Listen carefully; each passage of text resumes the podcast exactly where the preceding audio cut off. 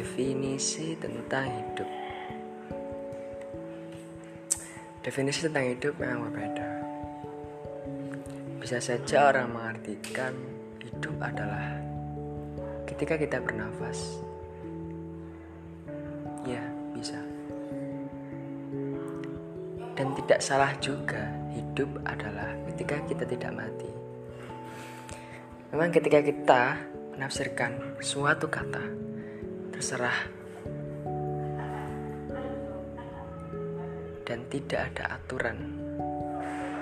Karena kita tidak bisa memukul rata suatu pengertian. Yang pada intinya dicapainya suatu makna dan tujuan dari pengertian itu. Tentang hidup. Ada yang mengatakan hidup itu susah, dan ada yang mengatakan hidup itu mudah. Ya, memang hidup itu relatif. Kapan ketika kita susah dan kapan ketika kita mudah? Jawaban singkatnya adalah ketika kita susah adalah di waktu kita hidup kita tidak mudah. Bagaimana? Eh, dan kapan? Dikatakan hidup kita itu mudah. Ya, dikala hidup kita kita anggap tidak susah. Oke. Memang dalam pandang hidup masing-masing orang mempunyai kacamata sendiri-sendiri. Mempunyai sudut pandang tersendiri dan ciri khas masing-masing. Kalau kau memandang suatu hal dengan sudut pandangmu, kadangkala itu salah. Apa yang salah? Entah sudut pandangmu, bisa juga cara memandangmu, dan dari sudut mana kau memandang masalah itu.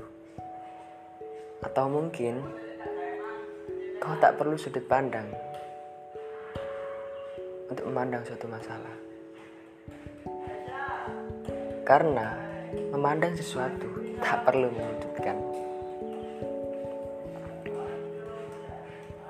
Memang panjang kalau bicara tentang hidup.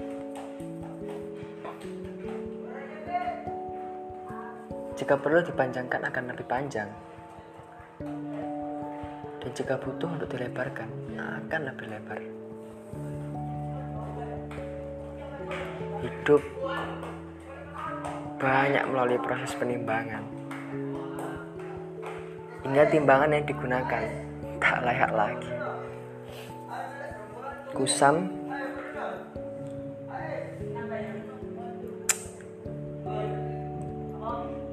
Dan mulai menunjukkan lusuh dirinya. Ada yang mengatakan hidup itu butuh motivasi. Ya, memang. Tapi asal kau tahu, setiap pribadi punya motivasi tersendiri.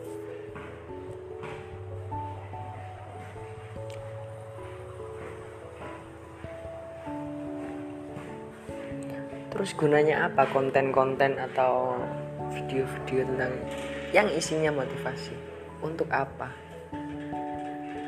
Bukankah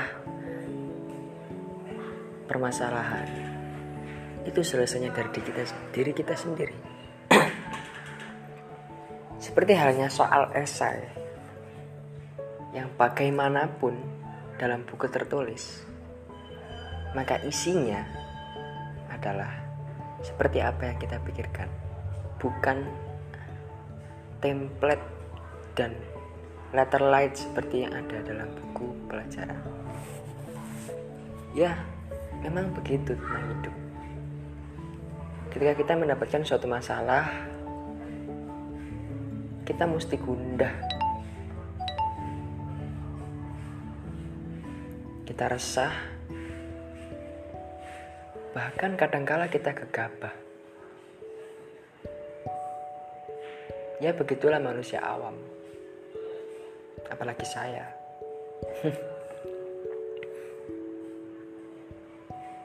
Karena motivasi itu penting. Walaupun permasalahan.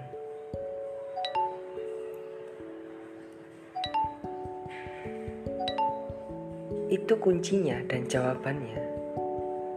Oke bahasnya saya persingkat saja. Suatu, permas suatu persoalan hidup kunci jawabannya adalah dalam diri kita sendiri. Loh kok seperti itu? Iya memang begitu. Orang lain memegang kunci jawabannya masing-masing. Dan diri kita sendiri memegang kunci jawaban persoalan hidup kita sendiri. Adapun gunanya motivasi dari orang-orang yang lain, dari motivator-motivator yang ada, adalah untuk kita mencari referensi bagaimana cara menyelesaikan persoalan hidup yang saya alami.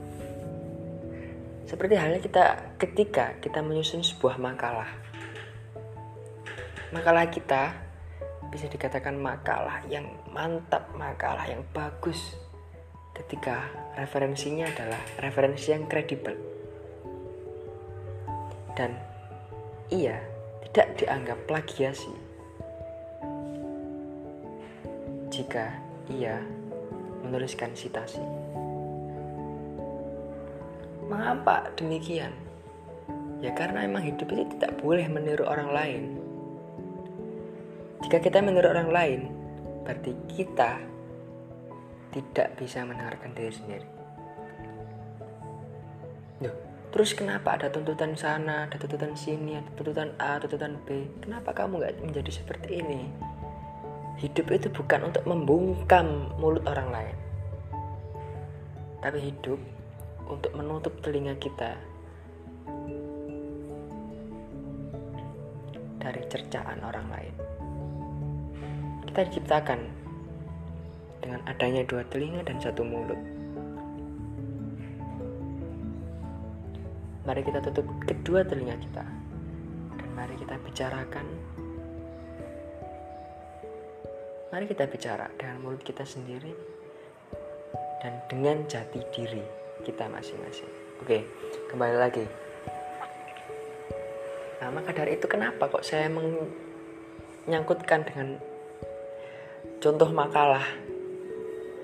Ya memang seperti itu hidup. Dalam makalah ada rumusan masalah. Dan di sana ada penyelesaian. Dalam penyelesaian itu butuh referensi jurnal yang kredibel. Nah, seperti hanya kita hidup kita butuh motivasi-motivasi dari orang-orang motivator yang kiranya kata-katanya, kalimatnya yang diungkapkannya itu bisa memotivasi diri kita sendiri walaupun persoalan hidup kita akan kita selesaikan sendiri bukan jawaban dari orang lain tapi orang lain bisa membantu untuk kita menentukan jawaban kita maka dari itu Mari kita cari motivasi yang banyak agar kita mempunyai banyak referensi untuk kita menyimpulkan suatu jawaban. Seperti halnya makalah. Ketika kita menumpuk beberapa jurnal yang kredibel, maka akan muncul suatu kesimpulan yang sangat-sangat menarik. Oke, pesan saya Jangan jadikan motivasi orang lain atau pesan dari orang lain adalah suatu jawaban dari persoalan hidupmu. Tapi jadikan itu suatu referensi untuk kamu menyimpulkan suatu jawaban dari persoalan hidupmu. Karena kamu punya jati diri dan orang lain mempunyai hak untuk dihargai.